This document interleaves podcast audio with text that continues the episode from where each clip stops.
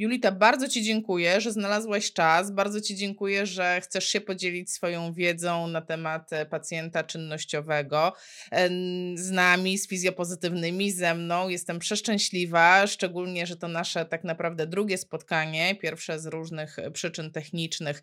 Niestety nie doszło do skutku, ale teraz już jesteśmy. Dla wszystkich osób, które nie znają Julity Głowackiej-Popkiewicz, przedstawiam. Julita jest fizjoterapeutką. Pracuje na co dzień na oddziale rehabilitacji neurologicznej w klinice w Instytucie Psychiatrii i Neurologii w Warszawie. To właśnie tam, z tego co mi mówiłaś, to właśnie tam zaczęła się cała historia Twojego zainteresowania pacjentem czynnościowym. Co to w ogóle znaczy czynnościowy?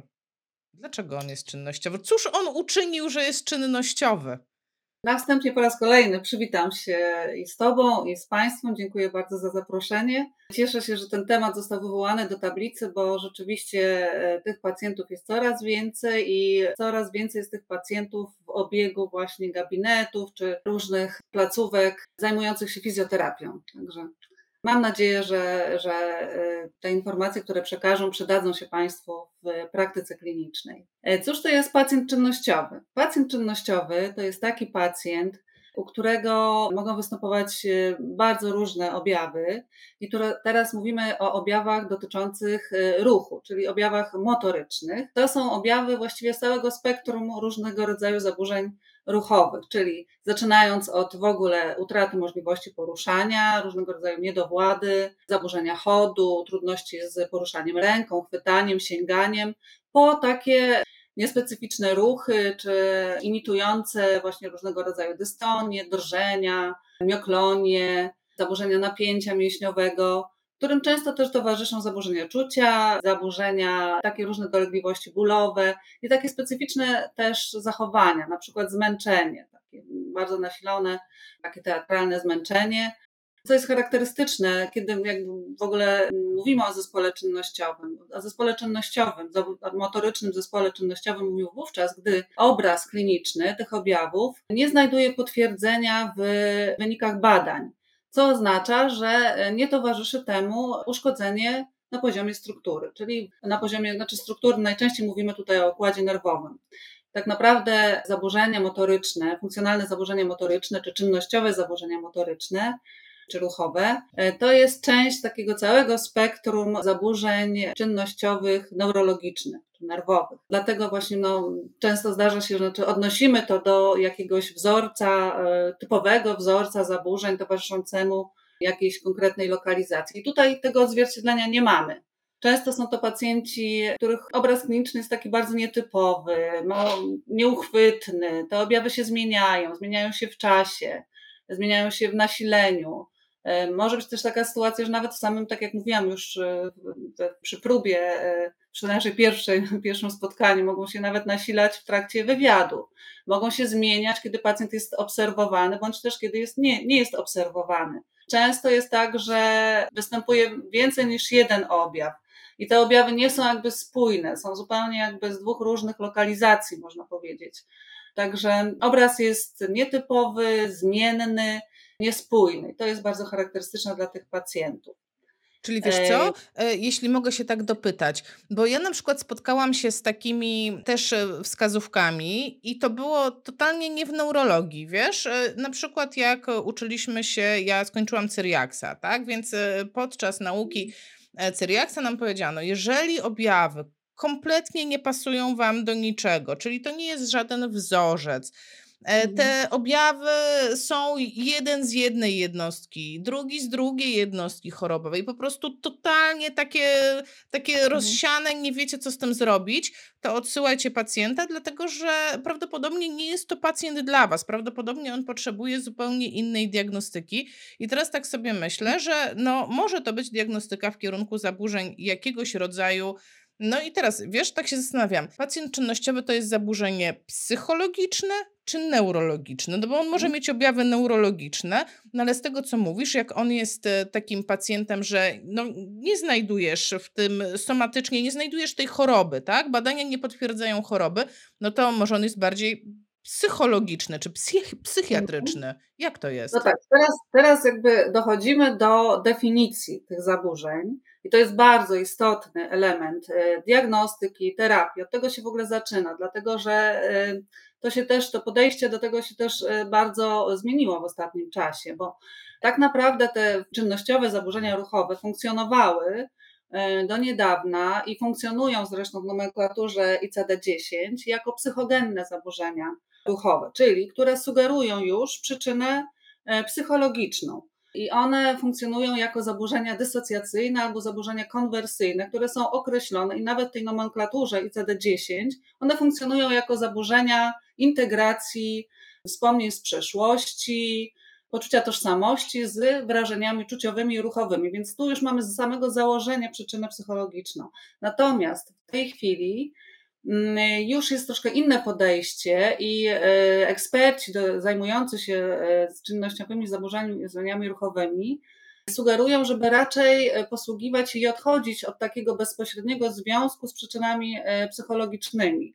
Kierują się raczej ku takiemu postrzeganiu tego zaburzenia jako zaburzenie funkcjonowania mózgu, jako takiego, gdzie nie ma zaburzenia uszkodzenia struktury, a jest zaburzenie jakby funkcji czy w obrębie samej sieci neuronalnej, która, której zadaniem jest kontrola ruchu. O tak. I mm, mhm.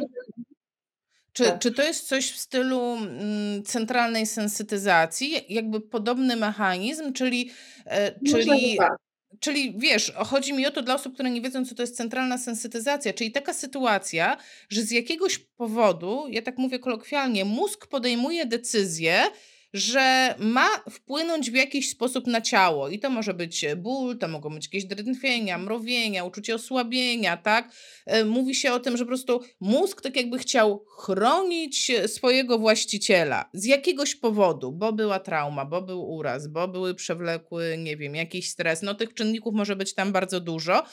I to brzmi, co do mnie mówisz, że to jest bardzo podobne, że to jest tak naprawdę jeden worek tych samych zaburzeń. Tylko tutaj, tak, że tak tak powiem, jedziemy grubo, tak? Mhm, tak, jakby dokładnie nie wiem, czy, czy to jest rzeczywiście można tak powiedzieć, że to są takie same zaburzenia. Na pewno zostało to potwierdzone na poziomie neuroobrazowania w rezonansie czynnościowym, że przy próbie wykonania ruchu świadomego następuje u tych chorych zmiana e, aktywacji ośrodków w mózgu, nie tylko w, w ośrodków korowych i podkorowych. I to jakby zauważono, że istnieje taki mechanizm przy próbie wykonania ruchu świadomego, hamowania ośrodków korowych zajmujących się wykonaniem ruchu. I jednocześnie większego pobudzenia ośrodków w układzie limbicznym, co by sugerowało rzeczywiście jakiś związek z emocjami, z, tu się sugeruje taki związek z poczuciem sprawczości, z kontrolą jakby własnego zachowania. I teraz obraz ten jest inny przy takim świadomej próbie zaniechania ruchu, tak jakbyśmy chcieli udawać. Tak? E, jest inny, jakby to pobudzenie, te ośrodki, jakby obraz taki neurofizjologiczny, prawda? Nie, nie, jest, e, nie jest jakby, różni się, to nie jest to samo, prawda? Więc widać, że ewidentnie jest, istnieje jakiś mechanizm neurofizjologiczny związany z e, zmianą organizacji po prostu na poziomie ośrodków mózgowych.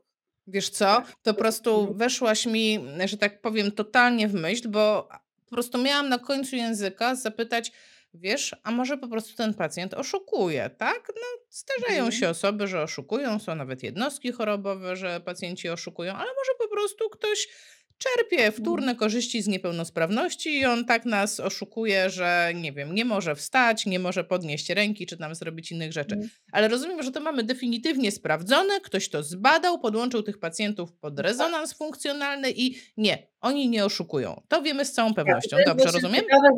Tak, w tej, w tej jakby definicji teraz, pojmowaniu tego zjawiska, mówi się o tym, że bo rzeczywiście łatwo jest y, jakby mieć takie przekonanie, że ten pacjent jakby udaje, czy to jest jego w głowie, czy coś takiego. To, co też przypisujemy, czy, znaczy może przypisywaliśmy, czy, czy, czy mamy taką skłonność do tego, tak, żeby przypisywać takie cechy. Natomiast trzeba mieć tą świadomość, że rzeczywiście y, ten pacjent, on tego, y, on czuje, że nie może wykonać ruchu po prostu. On tego, to jest na jakby takim poziomie, że on chcąc wykonać daną czynność, nie może tego e, zrealizować. Tak? W momencie, kiedy to jest poza jego świadomością, ten ruch jest obserwowany. Wykonuje on to, jakby dzieje się prawidłowo, tak? Natomiast w sytuacji, kiedy chce celowo wykonać, na przykład mm, przy, przy poleceniu, czy prośbie, czy żeby podniósł rękę, on nie może tego zrobić. Ma takie cechy niedowładu. Natomiast kiedy ma się ubrać, prawda, założyć bluzkę i tak dalej, no to wykonuje to w sposób prawidłowy, tak? Czy w momencie, kiedy, kiedy jest, nie jest obserwowany, ta aktywność występuje. Natomiast kiedy, kiedy jest obserwowany, to te objawy się nasilają, bądź też pojawiają się zupełnie jakieś w ogóle objawy, nie wiem, jakieś drżenia, jakieś, no, całe spektrum. E, jest, można mówić, powiedzmy, w przypadku jednego pacjenta o jakimś takim większym prawdopodobieństwie pewnych objawów, prawda? Ale to nie oznacza, że nie wystąpią jakieś inne za jakiś czas. Wiesz Także... co, znowu, znowu po prostu weszłaś mi w głowę, bo opisałaś dokładnie taką sytuację, jaką ja miałam z pierwszą pacjentką swoją czynnościową i ja wiedziałam, że to jest pacjentka czynnościowa i w dodatku wiedziałam, na czym polegają te zaburzenia, ale mnie to strasznie, wiesz, tak wewnętrznie tak irytowało, wiesz, takie miałam, takie miałam poczucie, że właśnie, że ona mnie oszukuje, no bo było dokładnie tak, jak ty mówisz, jak się ubierała, to nagle była w stanie się ubrać normalnie. Kiedy nikt na nią nie zwracał uwagi, zachowywała się, no nie powiem, że całkowicie jak zdrowa osoba, no bo jednak siedziała na wózku, bo nie mogła wstać, ale mhm. jak tak, że tak powiem, zapomniała się, to wstawała. I ja po prostu tak mi było ciężko to sobie w głowie poukładać, że ona nie oszukuje, tak? Bo to tak mhm. wyglądało z boku, tak? tak? Zrób, nie mogę, wstań, nie mogę, a tutaj jak trzeba podciągnąć spodnie, hyc, hyc, wstała, podciągnęła i po sprawie. Ty pamiętasz swojego takiego pacjenta, jakiegoś takiego, wiesz, nie wiem, może pierwszy tak. taki, co ci zapadł w e, pamięci? No właśnie, myślę, że y, dobrze, że to powiedziałaś, dlatego że tak jak patrzę, bo tematem rzeczywiście zajmujemy się już od długiego czasu, już właściwie na 100 lat. Na początku tej drogi to w ogóle było definiowane jako psychogenne zaburzenia ruchowe, które jakby z założenia było wiadomo, że przyczyna jest psychiczna, więc jakby to nasze, to moje podejście, tak, wewnętrzne, tak jak ty mówisz, jak wiedziałaś, to jest takie, rzeczywiście jest jakaś taka, no trudno sobie z tym poradzić właściwie. I takie ja też miałam doświadczenie, bo moje, moje, e, moje pierwsze spotkanie też było takie, że ja wiedziałam, że ta pacjentka ma podejrzenie takiego charakteru psychogennego tych zaburzeń. Zostałam poproszona przez profesor Seniów, kierowniczkę zespołu neuropsychologów, o taką opinię e, na temat e, tych zaburzeń, ponieważ było właśnie podejrzenie zaburzeń o takim charakterze. To była pacjentka, która już miała wieloletnie, wieloletnie już e, z wieloletnim wywiadem po urazie komunikacyjnym, której rzeczywiście obraz, obraz ten kliniczny nie, nie, nie pasował do, do wyników badań. Uraz głowy była po urazie czaszkowo-mózgowym między innymi jeszcze po złamaniu nogi, ale generalnie wszystkie te wyniki no, nie sugerowały aż takiego dużego zespołu. E, jednocześnie była to też działaczka, bardzo aktywna osoba w środowisku, e, e, działaczka na rzecz osób poszkodowanych w wypadkach komunikacyjnych, więc bardzo osadzona jakby w roli pacjenta, na rencie, więc młoda osoba w ogóle, 30-paroletnia. Więc no, bardzo taki charakterystyczna, można powiedzieć, historia i to typowo taka mm, wieloletnia właśnie taka no, typowy, częsty przypadek, y, y, czy, czy, często, często spotykana e, jakby sytuacja u tych pacjentów z zespołami czynnościowymi, tych takich wieloletnich e, pacjentów. I teraz tak, dla mnie właśnie było trudne to, znaczy po pierwsze zderzyłam się z sytuacją, kiedy to ja musiałam się zmierzyć z tym, co tu jest tak naprawdę nieprawidłowe, jak to ocenić i jak to opisać.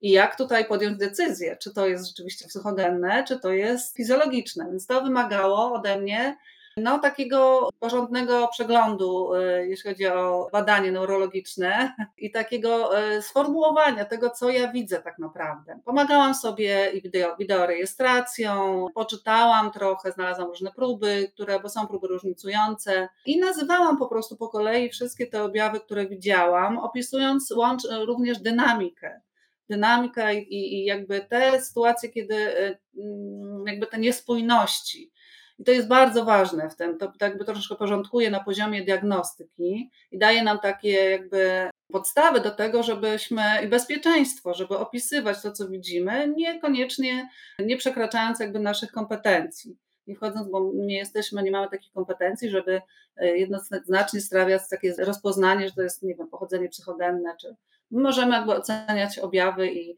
i różnicować, czy to są rzekome, czy objawy, czy naprawdę o podłożu takim patofizjologicznym. To jest ta pierwsza rzecz. A druga rzecz, no to rzeczywiście, no bo to był poziom diagnostyki, tak? A druga rzecz to była terapia i e, jakby podejście do tego pacjenta. I to też dla mnie było trudne bardzo, bo jeszcze wtedy funkcjonowało takie podejście, że wiadomo było, że to są pacjenci podatni na sugestie. Wcześniej stosowano też takie próby z placebo, które zresztą były często bardzo udane, ale też z literatury wiedziałam i e, że to jest takie działanie krótkotrwałe, bardzo efektowne, spektakularne poprawy, ale krótkotrwałe. Sama byłam zresztą świadkiem. U nas był profesor, e, takie próby podejmował profesor e, Kulczycki, świętej pamięci już niestety, który przedstawiał pacjentom, znaczy traktował tych pacjentów, czy generalnie jakby to leczenie za pomocą prądów DD, po prostu wałeczka z y, stymulacją y, i i po prostu tylko bardzo w sposób sugestywny przedstawia metodę, że to jest metoda, która, którą się stosuje właśnie przy tego typu zaburzeniach,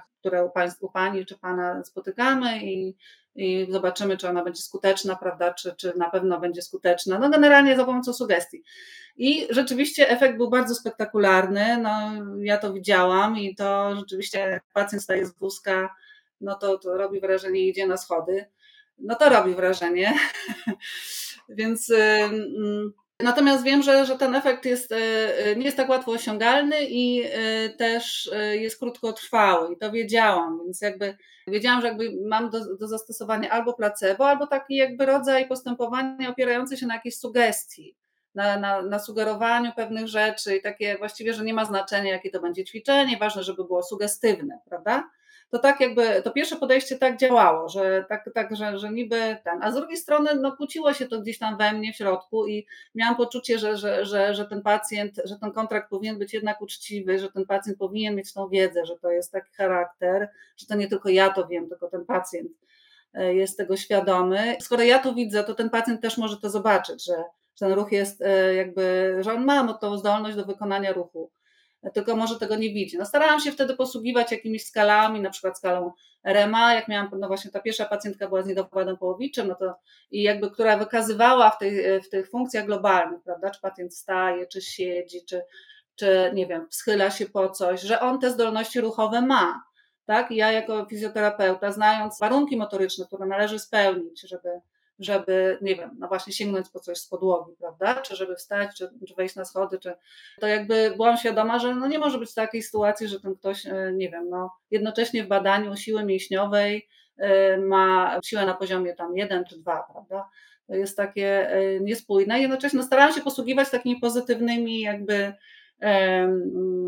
wymiernikami obiektywnymi, które gdzieś tam, no i w ten sposób starałam sobie e, jakoś radzić, co zresztą jest teraz spójne z obecnym modelem proponowanym terapii pacjentów. Zresztą e, mm, i właśnie do tego zmierzam, że w tej chwili to podejście się bardzo zmieniło. Powstały rekomendacje, one nie są na poziomie wytycznych, ale na poziomie rekomendacji, co też już, już jest bardzo dużo, bardzo dość precyzyjnie określonych na poziomie diagnostyki i na poziomie postępowania, które właśnie zmieniają to podejście że, mm, na takie ukierunkowane, gdzie jakby jest tam właśnie taki kontrakt z pacjentem, który wie, że ta fizjoterapia e, może w sposób bezpośredni jakby oddziaływać, to znaczy może jakby wpływać na ten model zachowania motorycznego poprzez ukierunkowanie go, zmianę nawyków ruchowych, a nie tylko poprzez, nie jest to, nie, nie, nie działamy na zasadzie takiej właśnie no, sugestii, prawda, albo się uda, albo się nie uda, albo pacjent dobrze zareaguje, albo źle zareaguje bo to mi pamiętam, że bardzo jakoś przeszkadzało i taka byłam w tym wszystkim niepewna.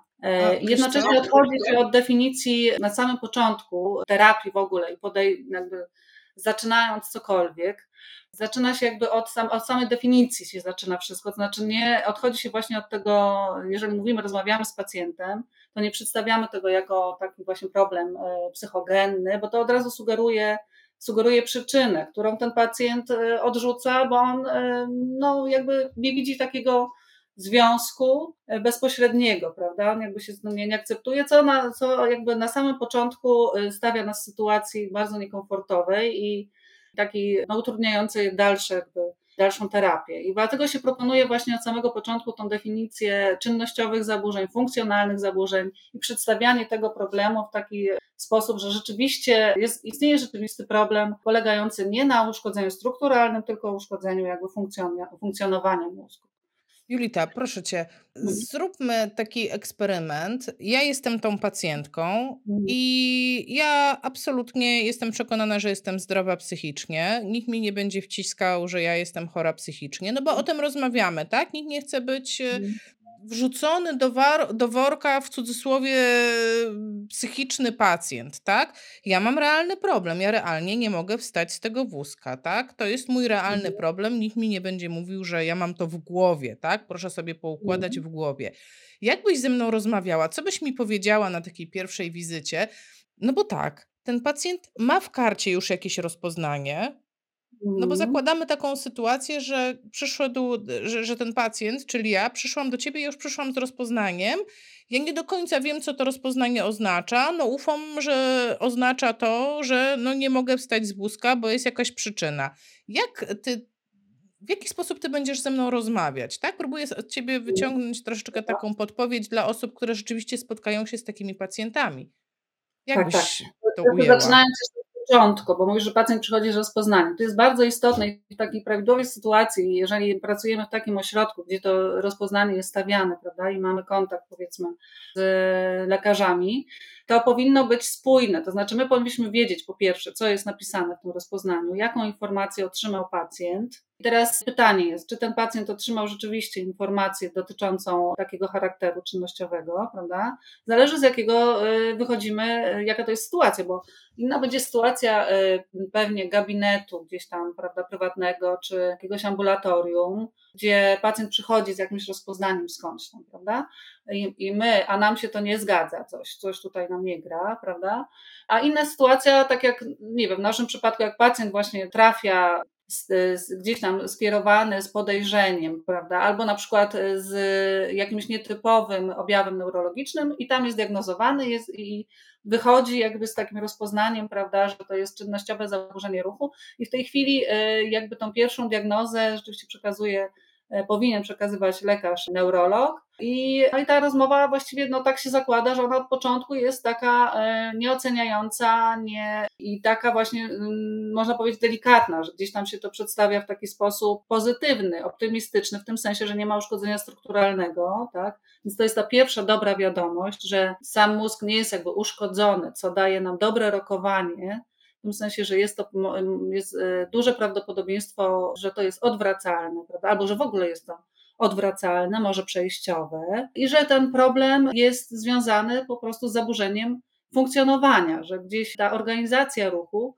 jest e, zaburzona i my jako fizjoterapeuci, czy fizjoterapia może pomóc w e, zmianie ruchu, jakby przekierowaniu ruchu. Także, że możemy popracować nad tym ruchem, nad nawykami ruchowymi, żeby zmienić nawyki ruchowe o w ten sposób. I że to y, tak, że w ten sposób można jakby mm, no, zasugerować czy, czy zaproponować tego typu postępowanie. A czy faktycznie. Ruchowe, A czy mhm. faktycznie tak jest, że że ten pacjent ma duże szanse na wyzdrowienie? Orientujesz się, jak mhm. wyglądają statystyki? Czy większość właśnie dobrze zareaguje na fizjoterapię, czy mhm. tak sobie średnio? I od razu przychodzi mi do głowy takie pytanie, czy może to powinno być połączone z psychoterapią? Może, my, mhm. może to jest właśnie taka jednostka chorobowa, że powinniśmy ściśle współpracować z psychiatrą czy psychoterapeutą? Jak to, jak to wygląda? Czy może to jest w rekomendacjach? Zadałaś mi dużo pytań w jednym pytaniu. I teraz tak, zaczynając, musimy to troszkę e, rozpakować. E, zaczynając od, e, e, od czego, bo już zgubiłam wątek.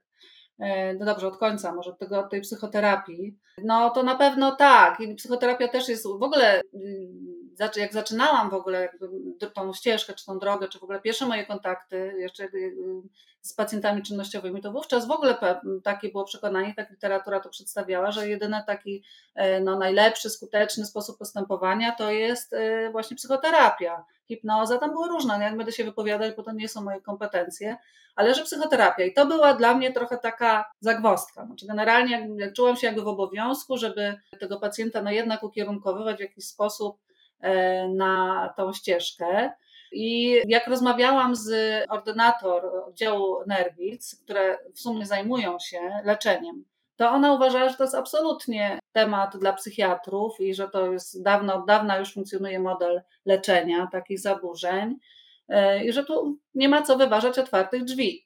Ale w ogóle tak naprawdę nic tutaj nie funkcjonowało, bo ja widziałam, że tak naprawdę ci pacjenci z tym rozpoznaniem, mało który tak naprawdę trafiał do, na, e, na ten oddział nerwic no było dużo różnych ograniczeń. Po pierwsze kolejka, po drugie na wózku pacjent nie mógł trafić, e, czy z dużą niepełnosprawnością na taki oddział. Po trzecie i najważniejsze, pacjent nie akceptuje często tej diagnozy i skierowanie do e, psychiatry jest no, zwykle nierealizowane, nieakceptowane. I e, w związku z tym tak naprawdę to postępowanie no, nie jest takie, no już na samym początku jest, ma taką małą skuteczność. I teraz tak, jeśli chodzi w ogóle o y, skuteczność, tak? Pytałaś się, czy, czy jakie jak jest, jak jest rokowanie u tych pacjentów. No niestety statystyki nie są dobre. Tutaj jest jednak mała grupa pacjentów całkowicie zdrowieje, czy powiedzmy udaje się jakby osiągnąć taką całkowitą poprawę. Zwykle to jest jakaś poprawa niewielka, czy, czy taka no, przejściowa. I tutaj bardzo istotne jest to, i to, co zwiększa prawdopodobieństwo wyzdrowienia, to jest właśnie wczesne rozpoznanie. Dlatego o tym też mówimy, bo to jest bardzo ważne, żeby właśnie zareagować na samym początku, bo najgorsze e, rokowanie, właściwie najmniej prawdopodobna poprawa jest u tych pacjentów e, takich wieloletnich, którzy funkcjonują już w tej, e, w tej roli chorego, gdzie jakby już ten mechanizm e, psychologiczny jest mocno utrwalony, gdzie do, do, jeszcze wchodzą w grę wtórne korzyści e, płynące z tego, z tej niepełnosprawności. No i wówczas ta zmiana też jest no, bardzo trudna do realizacji. A jeszcze dodatkowo też musimy pamiętać o tym, że ta grupa pacjentów to jest grupa, no, mówimy o bardzo szerokiej grupie zaburzeń psychicznych, zaczynając od E, po prostu jakiejś zwykłej jednej traumy, tak, jakiegoś zdarzenia bardzo, bardzo, e, o bardzo nasilonym poziomie stresu, jakiejś traumie. I tutaj jest to prawdopodobieństwo większe poprawy, lepiej, lepiej rokują ci pacjenci. I e, mówimy też o pacjentach z zaburzeniami osobowości, z jakimiś bardzo głębokimi e, zaburzeniami psychicznymi, które powodują, że no, taką prawidłową reakcję emocjonalną, czy, czy generalnie no, bardziej predysponują do występowania tego typu zaburzeń. Także mówimy o bardzo szerokiej e, grupie w ogóle no, zaburzeń psychologicznych. Ja tu się nie będę wypowiadać, albo to nie, jest, nie są moje kompetencje, ale trzeba pamiętać o tym, że to jest szeroka grupa jakby pacjentów i zaburzeń, od takich małych po takie duże. Wiesz co? Mhm. A w drugą stronę zapytam.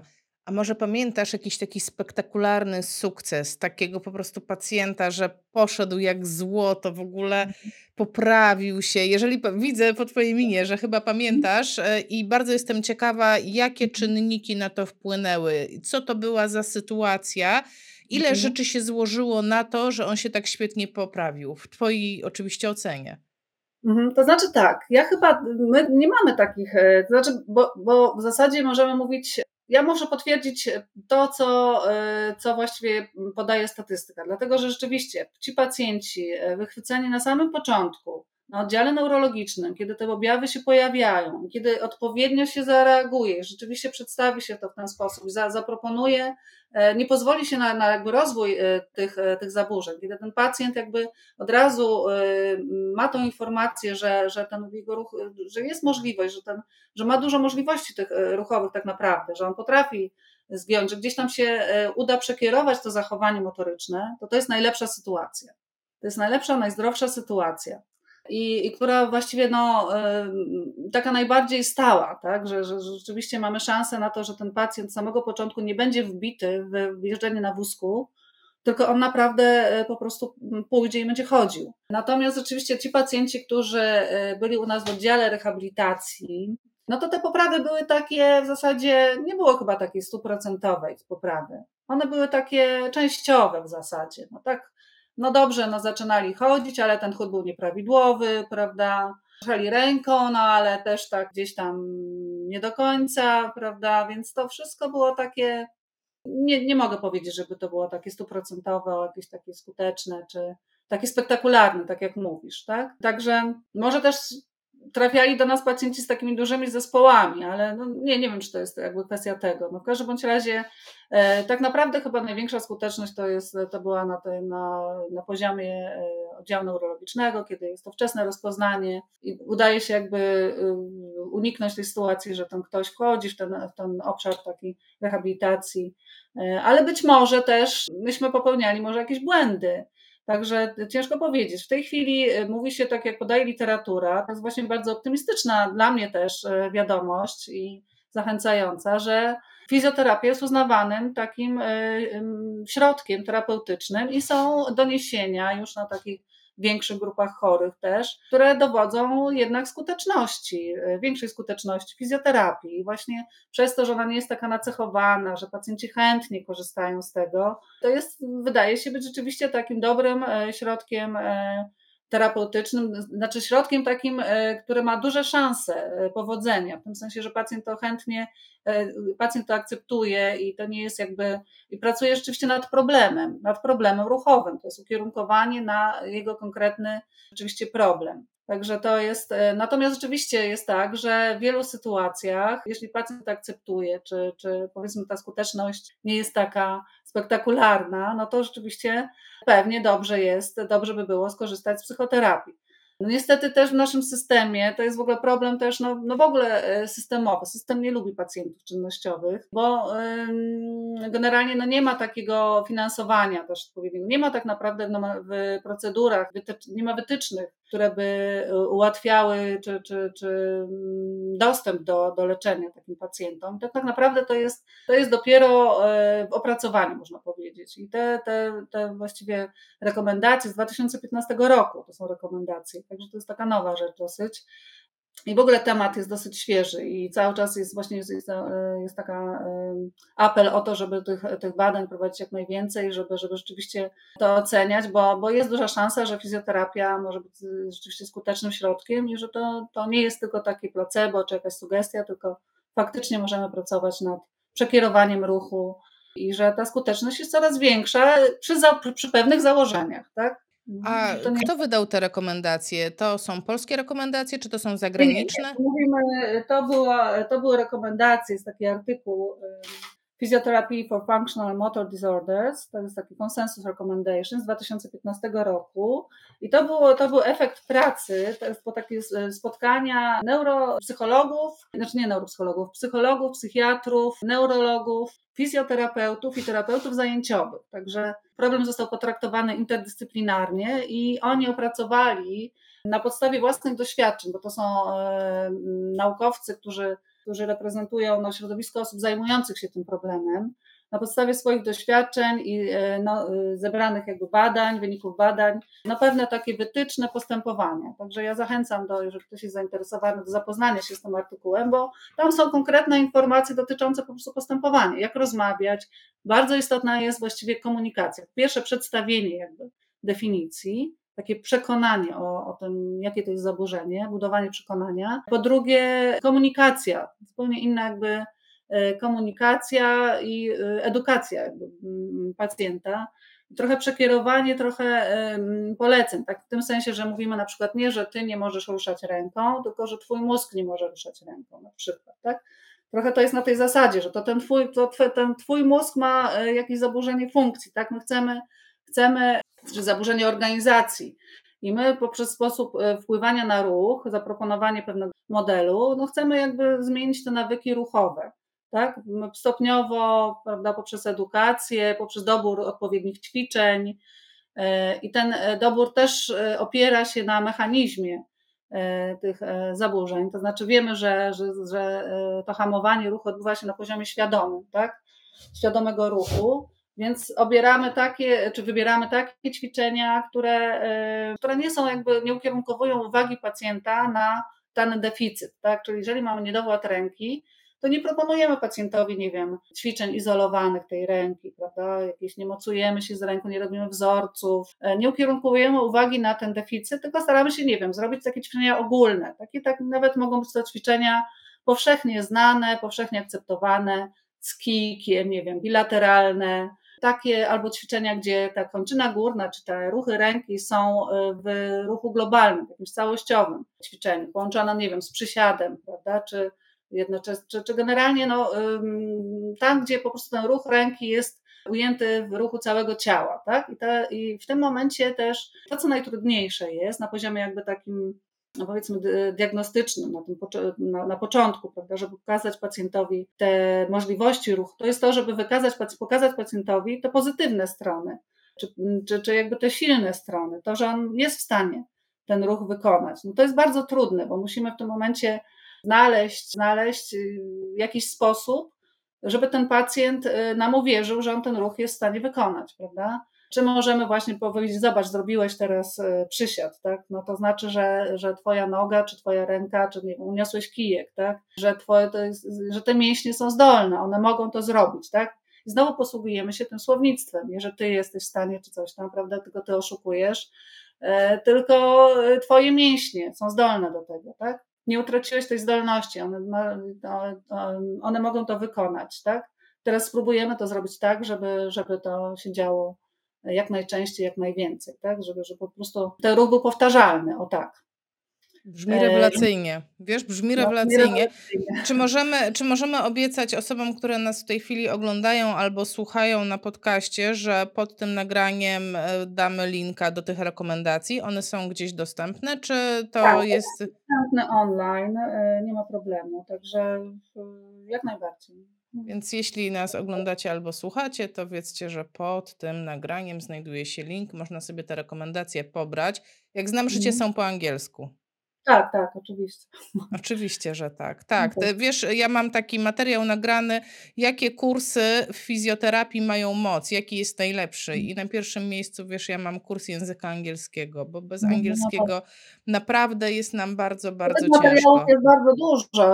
W ogóle, y, jeżeli ktoś się interesuje takim tematem, no to warto też, jest, jest takie stowarzyszenie Movement Disorder Society, które też zajmuje się między innymi, bo tam zajmują się w ogóle pozapiramidowymi zaburzeniami ruchu, ale też właśnie tymi zaburzeniami czynnościowymi.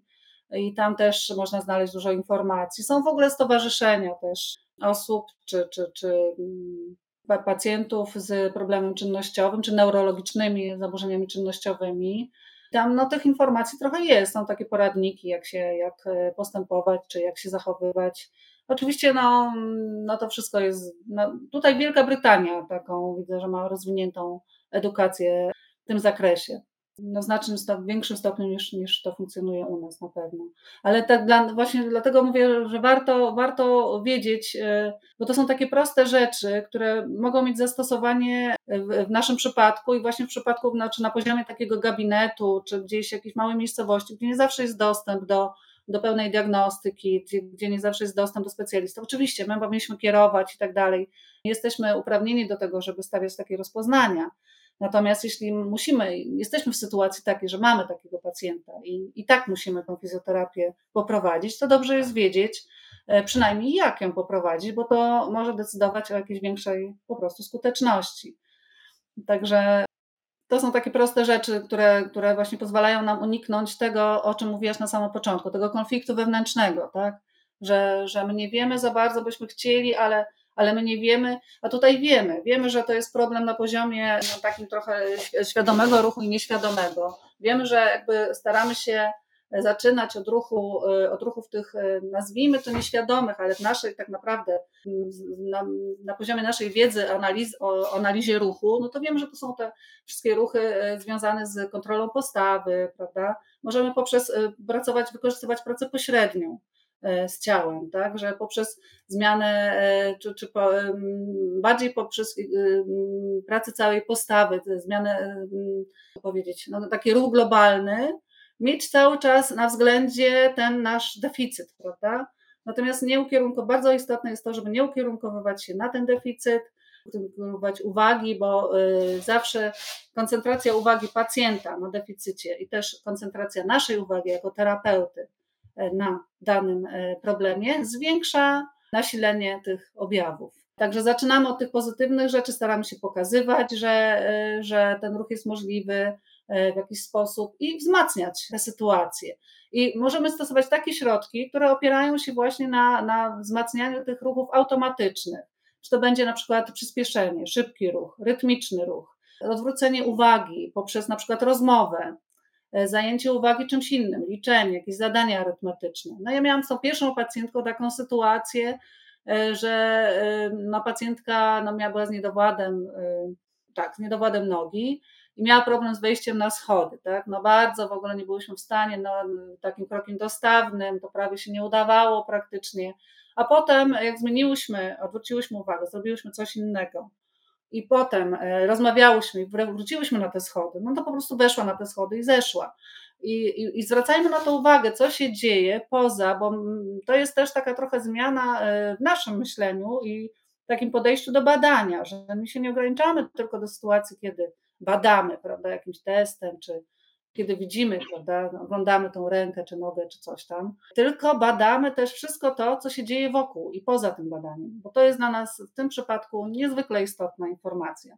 Bo gdy ja widziałam tą pacjentkę, która miała problemy z równowagą, zataczała się, prawda, e, miała tam trochę ograniczeń zakres, niby zakresu ruchu. Jak ja potem ją zobaczyłam za oknem, że ona w szpilkach biegnie do autobusu, no to dla mnie to była też informacja. No to my jako fizjoterapeuci, no to powinniśmy wiedzieć po prostu, że istnieje to, te, objawy no, są spójne i jedna rzecz wpływa na inną, prawda, na, na, na różnych poziomach e, funkcjonowania, więc, e, więc to, są, to są też tak, takie ważne informacje, które należy wychwycić, przekazać w sposób pozytywny, nie na zasadzie, no co ty, przecież ty biegłeś w tych szpilkach, no co ty udajesz, prawda, tylko zobacz, ty możesz, prawda, ty możesz, to właśnie wymaga, to jest tak naprawdę też, tu jest troszkę inne postępowanie, bo tu odgrywa rolę komunikacja, bardzo istotną rolę komunikacja. I właściwie cóż nam szkodzi, nawet jeżeli jesteśmy, nie wiemy, nie jesteśmy pewni, prawda, czy to jest, czy to jest taki problem, czy nie jest, po prostu zastosować te metody, czy, czy komunikować się w ten sposób i zobaczyć, e, jak to będzie działało, prawda? To nawet jeżeli się pomylimy i, i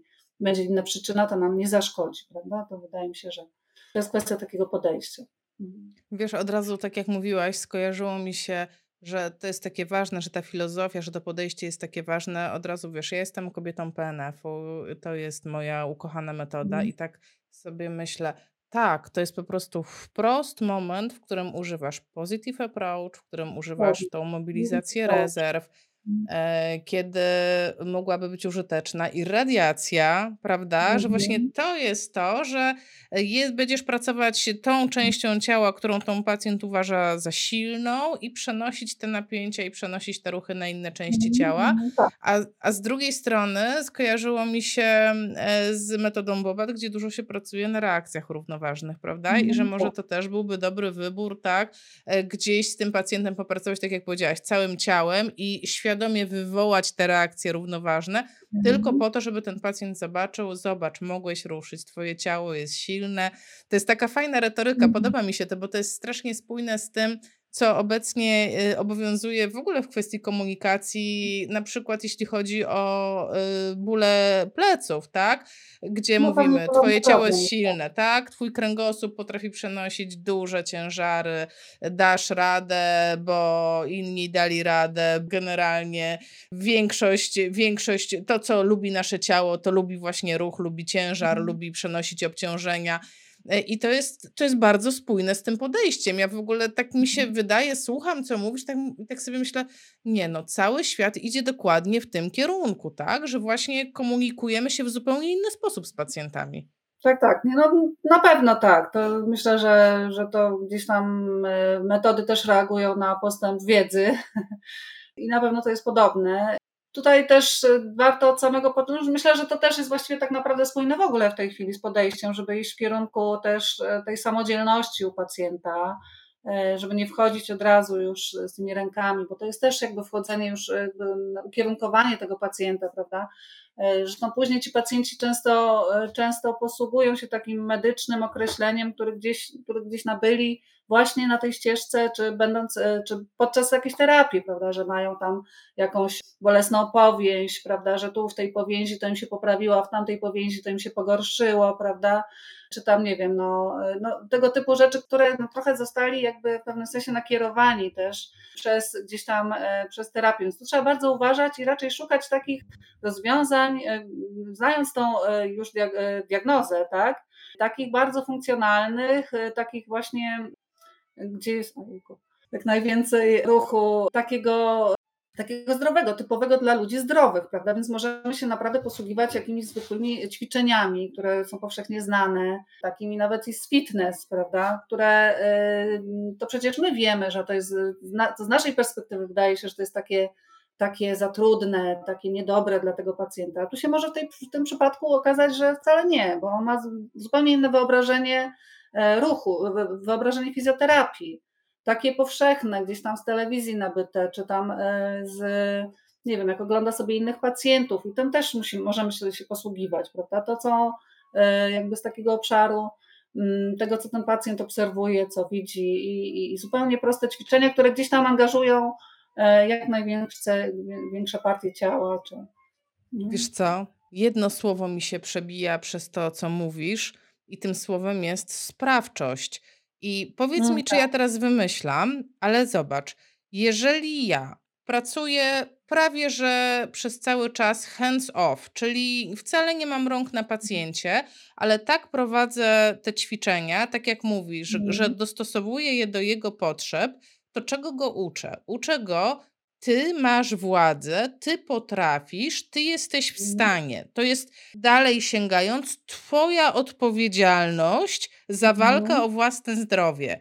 W momencie, kiedy położę i zwłaszcza takiego pacjenta czynnościowego na leżankę i go wymasuję i jeszcze mu powiem, wiesz, bo tutaj miałeś więcej napięcia, a tu tak. mniej. Każdy Mhm. gdzieś ma więcej napięcia, a gdzieś mniej. Mhm. Tutaj ja pewnie my dwie też jakby nas położyć, ale w Mhm. tym momencie dajemy mu informację, że to ta powięź jest odpowiedzialna, a rozwiązaniem na tą powięź, powięź jest Mhm. teraz y, przykładem tylko, tak, żeby nie było, że nie kochamy Mhm. powięzi, ale dajemy mu takie poczucie, że masz rzeczywiście przyczynę w postaci tej akurat tutaj powięzi i rozwiązaniem są moje ręce, to czego go uczę? Że on ma tak. chorobę, a ja jestem rozwiązaniem i no to nie może się udać. Dokładnie tak. I ci pacjenci bardzo właśnie często wchodzą w tą ścieżkę tego typu leczenia i, i właściwie krążą tak od, od jednej rehabilitacji do drugiej rehabilitacji, tak? Dlatego bardzo ważne jest na samym początku kierunkowanie tego ruchu. Nie wszyscy pacjenci, też tak jak podają te rekomendacje, poddadzą się temu i to też musimy mieć tą świadomość. I tutaj e, w tych rekomendacjach jest takie założenie, że e, że jakby y, pierwsze, co musi nastąpić, to zgoda tego pacjenta, że on musi zrozumieć ten problem, y, że to, y, na czym to polega i nad czym będziemy pracować. Ale myślę, że to jest fajne, uczciwe podejście. To już nie jest takie właśnie mm, trochę błądzenie między jakimiś takimi sugestywnymi działaniami i jakimś takim gdzieś tam krążeniem i niejas, nie, niejasnościami, o tak bym powiedziała, tylko to jest bardzo uczciwe podejście i i zaproponowanie właśnie i wejście w ruch, po prostu wejście w ruch, wejście w konkretny problem. Jesteśmy wtedy bliżej rozwiązania, bo tak jak mówisz, rzeczywiście, jeżeli wejdziemy z tymi rękami, położymy tego pacjenta, zresztą e, to, co jest, to, co jest jakby też, czego nie powinno się robić, to jest właśnie na przykład proponowanie różnych na przykład urządów, wózka na przykład, że w czasie po ćwiczeniach ten pacjent ma jeździć na wózku, prawda, dla jego bezpieczeństwa, czy coś takiego. Znaczy zbyt szybkie. No wiadomo, że kiedy jest sytuacja, nie wiem, że, rzeczywiście obserwujemy, że no nie wiem, no jest rzeczywiście jakieś ryzyko, tak, widoczne, jakiegoś upadku, że pacjent sobie zrobi krzywdę, no to musimy to jakoś tam odpowiednio zaadaptować, ale ograniczać jak e, po prostu jak możemy, czy, czy wprowadzać już ten, tą, tą tą informację, że to jest jakby przejściowy środek, tak? że to nie jest tak, że on będzie po prostu na tym wózku. My wprowadzamy po prostu e, pewne nawyki, uczymy nawyków i te nawyki są po prostu bardzo silne i, i, i ten pacjent po prostu wchodzi w taką sytuację, że on jeździ na tym wózku, tak? on jest niepełnosprawny, jeździ na wózku. Więc jakby mm, modelujemy pewnymi zachowaniami, to jest po prostu, modelujemy pewne zachowania i to jest, to jest bardzo istotne, co my proponujemy, co my radzimy. Tak samo jest zresztą z ortezami, z takimi pomocami ortopedycznymi. bardziej trakt, należy traktować to jako taki e, i informować, że to może są, jeżeli jest taka konieczność w ogóle, że to są przejściowe środki, tak? Natomiast raczej unikać tych sytuacji, no tak. No tak, raczej tak. Nawet jeżeli powiedzmy ten pacjent ma jakieś, nie wiem, no, imituje przykurcz, prawda, jakiś zgięciu podeszwowym, czy, czy jakąś opadają, no nie wiem, stopę, czy cokolwiek, to też zwróćmy uwagę, jak na pacjent chodzi, czy rzeczywiście jest ten chód ryzykowny dla niego. No, także nie, nie, nie, nie ograniczajmy się tylko do takich jakichś prostych wskazań, tak samo zresztą jak z wózkiem, bo to możemy po prostu wbić pacjenta w coś, e, z czym ten pacjent potem będzie przez wiele lat funkcjonował. Czyli to jest kompletnie inne tak naprawdę podejście niż, że tak powiem, standardowy pacjent. To jest, mm. to jest inny pacjent niż neurologiczny, to jest inny niż ortopedyczny, to jest, to jest mhm. totalnie inne podejście i trzeba się z nim zapoznać. Julita, no jakbyś tak. miała udzielić jednej takiej krótkiej porady wszystkim osobom, które tak sobie pomyślały, kurczę, ja chyba miałem takiego pacjenta albo które po prostu zetkną się z takim pacjentem i po mhm. wysłuchaniu naszej rozmowy będą wiedziały, że to jest specyficzny pacjent. Jedna porada taka dla ciebie najważniejsza. Mhm.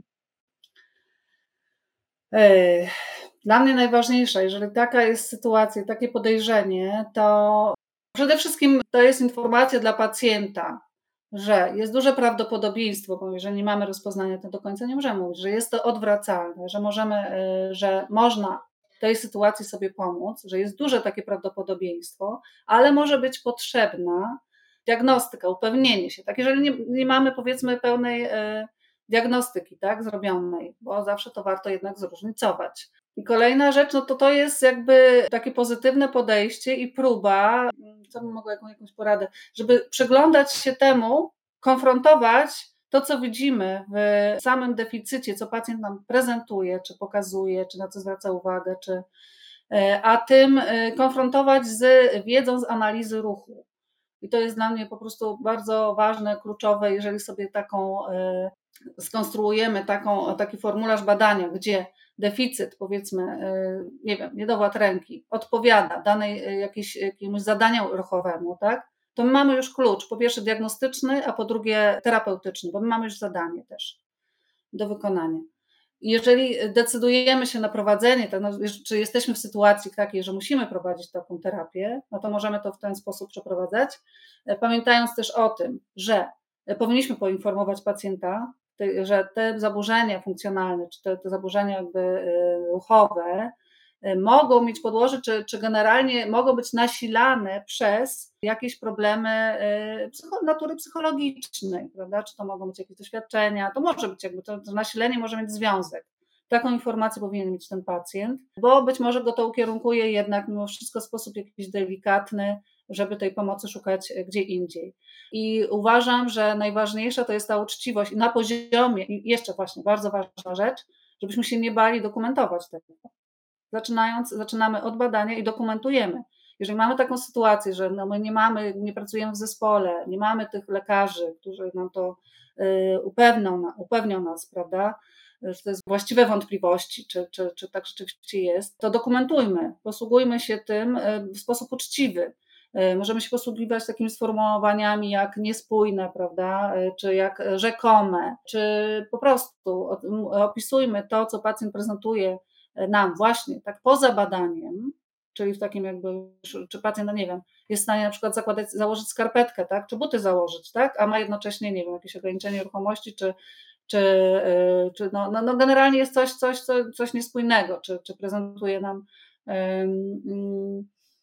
jakiś duży niedowład, czy, czy, który no raczej uniemożliwia pochylanie się ciała w przód i sięgnięcie po, do buta. Tak? My to wiemy z analizy ruchu. Tak? Także na trzech poziomach uważam, że ten pacjent powinien być zbadany. Pierwsza rzecz to jest ten właśnie mm, prezentowany w takim lokalnym badaniu, ukierunkowanym na deficyt. Druga rzecz w takim zadaniu jakimś ruchowym, gdzie w sposób pośredni ten, ta aktywność występuje, a po trzecie w danej konkretnej sytuacji takiej z życia codziennego, jak ten pacjent poza, kiedy jest, nie jest obserwowany, czy, czy jak on, y, czy te deficyty, które teoretycznie powinny coś utrudniać, one, czy one rzeczywiście coś utrudniają, czy nie, prawda?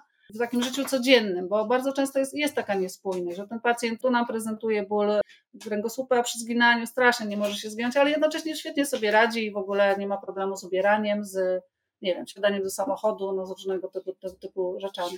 No ja już widzę, się wiesz... Mam powiedzieć no prostą radę, ale chyba, chyba się rozgadałam za bardzo. Nie wiem, ja już widzę proste. po prostu, że to jest temat rzeka i że trzeba się zapoznać z tymi rzeczami, o których mówiłaś, tak? O tych próbach różnicowych, o tej dynamice objawów. Trzeba mm. się zapoznać z rekomendacjami, trzeba poczytać w tych poradnikach. I ja myślę, że tak podlinkujemy to. Dobrze, Julka? Podlinkujemy to pod tym, e, pod tym materiałem. Mhm.